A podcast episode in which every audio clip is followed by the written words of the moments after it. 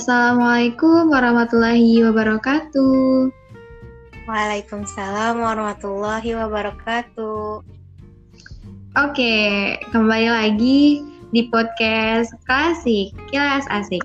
Bersama dengan aku Hajar Fatima sebagai host dan narasumber kita Izatun Nurulhana. Hai Nurul, gimana nih kabarnya? Alhamdulillah baik Jar. Hajar gimana kabarnya?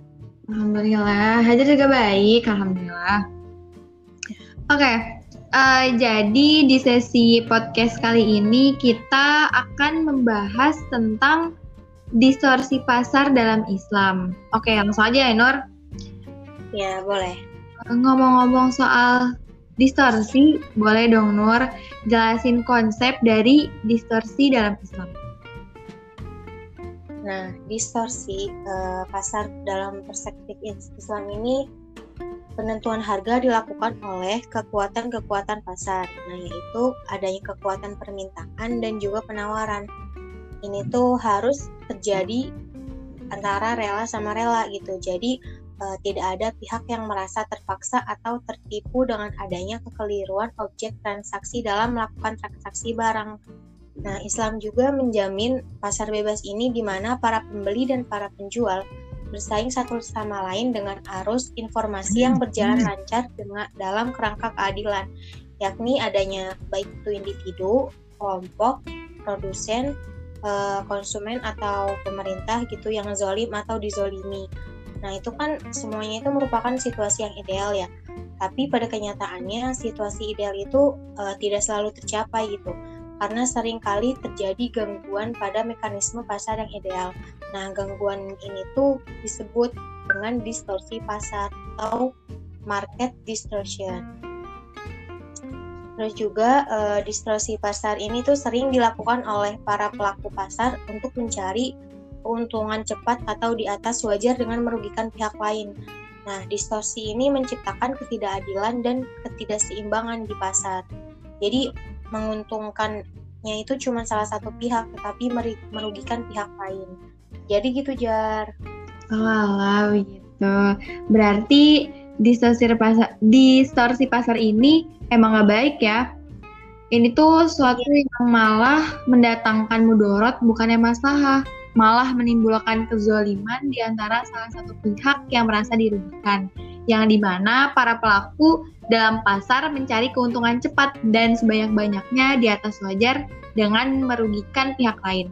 Malah nggak adil ya kalau kayak gitu. Iya, iya benar-benar. Nah, lanjut ya. Uh, iya. Si Nur, tindakan-tindakan yang menjadi pemicu terjadinya distorsi pasar ini Nah, di sini tuh ada beberapa tindakan yang bukan alamiah, tetapi karena tindakan kejahatan seseorang atau kelompok orang yang ada di pasar, ini tuh menjadi penyebab pemicunya terjadi distorsi pasar. E, antaranya itu ada tiga, yaitu ada rekayasa permintaan dan penawaran, terus juga ada tadlis, dan yang ketiga itu ada e, tagrir atau goror. Nah ini enaknya aku ngejelasinnya satu-satu apa langsung tiga-tiganya nih? Satu-satu aja Nur, biar temen-temennya tuh paham gitu. Biar nggak okay. ribet, biar nggak pusing gitu. ya mulai dari yang rekayasa dulu deh Nur.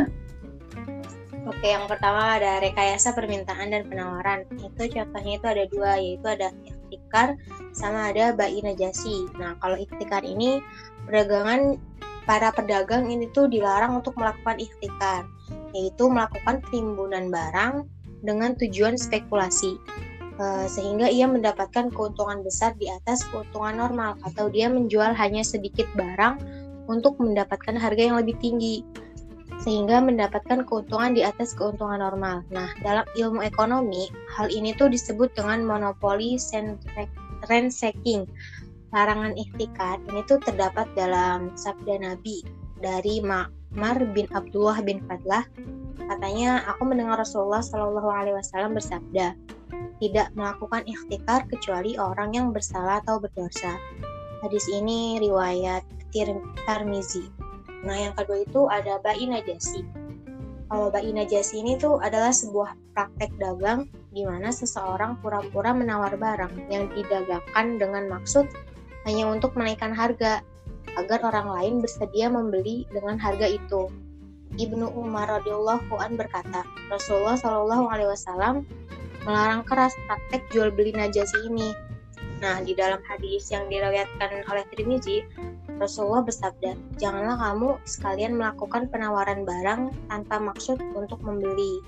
Jadi, eh, transaksi najasi ini diharamkan dalam perdagangan karena si penjual itu orang lain untuk memuji barangnya atau menawarkan dengan harga yang lebih tinggi agar si orang lain itu tertarik buat membelinya. Jadi gitu ya. Walah, begitu. Oke, oke. Oh iya, berarti bedanya ikhtikar sama monopoli gimana dong, Nur? Nah, kan kalau monopoli itu artinya menguasai penjualan suatu barang dan mencari keuntungan dengan tidak adanya penjualan lain sebagai pesaing, sehingga membeli terpaksa membeli dari orang yang memonopoli. Jadi, baik ikhtikar uh, itu menimbun barang maupun monopoli itu merupakan praktek dagang yang dilarang dalam ajaran Islam karena dapat menimbulkan penderitaan masyarakat. Jadi orang-orang tuh makin kesulitan untuk mendapatkan barang kebutuhannya dan harus membeli dengan harga yang lebih mahal. Nah, monopoli sama iktikar ini tuh tentunya berbeda, namun mereka saling berkaitan. Karena kan orang yang melakukan monopoli biasanya menimbun barang juga untuk membuat barang kebutuhan menjadi langka dan naik harganya. Kayak misalnya uh, dalam monopoli seorang tengkulak itu memborong semua padi hasil panen, kemudian memonopolikan memonopoli penjualannya karena tidak ada orang lain yang menjual beras. Hal ini membuat orang kesulitan mendapat bahan pangan dan harus membeli dengan harga tinggi.